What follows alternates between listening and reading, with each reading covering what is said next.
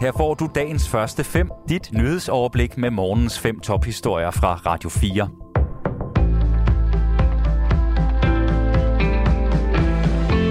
Det er onsdag den 14. september. Mit navn er Thomas Sand. De fem regionsråd har indgået budgetaftaler for 2023. Aftalerne sikrer blandt andet flere penge til fastholdelse, rekruttering og arbejdsmiljø på hospitalerne, samt til det nære sundhedsvæsen.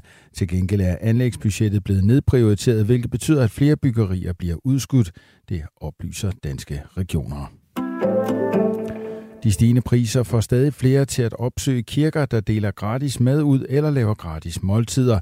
Det oplyser Folkekirken.dk til Ritzau. Sofie Levering har mere.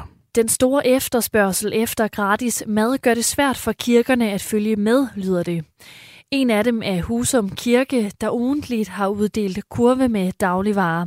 Men siden årsskiftet er efterspørgselen steget så meget, at der nu er flere måneders ventetid på at få en kurv. Det stigende behov er ifølge diakoni-medarbejder Sofie Troelsgaard voldsomt at se. Jeg har læst rigtig mange ansøgninger gennem årene, og jeg oplever nu, at desperationen er blevet større.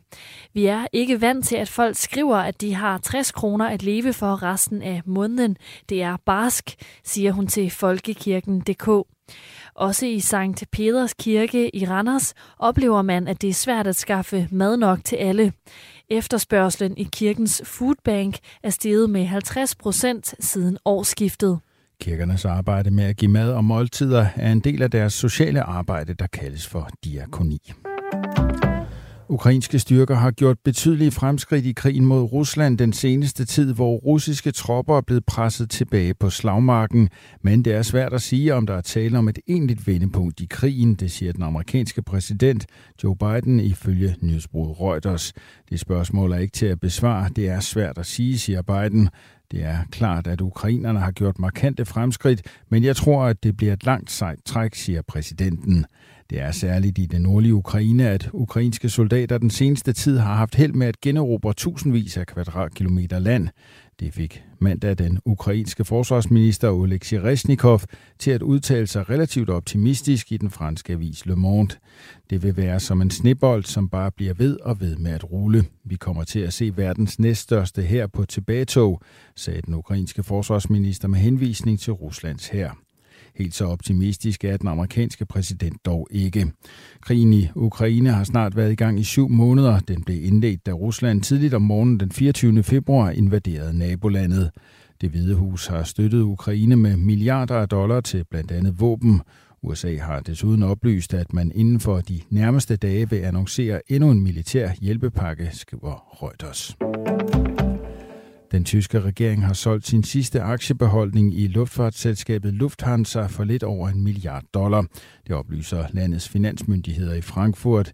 Beløbet svarer til godt 7,8 milliarder kroner. I juli 2020, da coronapandemien holdt de fleste af verdens fly på jorden, tilsluttede aktionærerne i Lufthansa sig, at den tyske stat skulle overtage 20 procent af selskabet. Det åbnede nemlig for en hjælpepakke til 9 milliarder euro, knap 67 milliarder kroner. Det var Tysklands regering, som stillede pakken til rådighed for at hjælpe Lufthansa igennem coronakrisen. Hjælpepakken var en kombination af statslån og køb af aktier.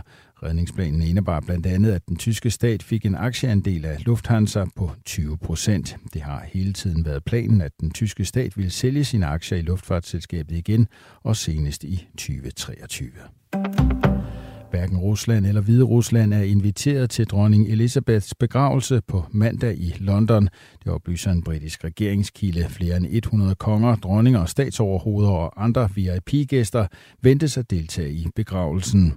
Men i kølvandet på Ruslands invasion af Ukraine vil hverken Rusland eller Hvide Rusland, som er nær allieret af Rusland, være repræsenteret ved ceremonien i London. Det placerer de to lande i en lille gruppe af nationer, som er blevet udelukket fra begravelsen. Heller ikke militærstyret i Myanmar, der er en tidligere britisk koloni eller Nordkorea, har fået lov til at deltage. Det oplyser den britiske regeringskilde, der ønsker at være anonym. Elizabeth den andens begravelse i Westminster Abbey bliver en gigantisk diplomatisk begivenhed med et enormt sikkerhedsopbud. Den amerikanske præsident Joe Biden har bekræftet, at han vil deltage. Også Frankrigs præsident Emmanuel Macron og Kanadas premierminister Justin Trudeau har bekræftet, at de kommer. Det samme gælder dronning Margrethe, kronprins Frederik og kronprinsesse Mary. Dagens første fem er tilbage igen i morgen tidlig. Hvis du har brug for en nyhedsopdatering inden da, kan du altid fange os i radioen, på nettet og i vores app.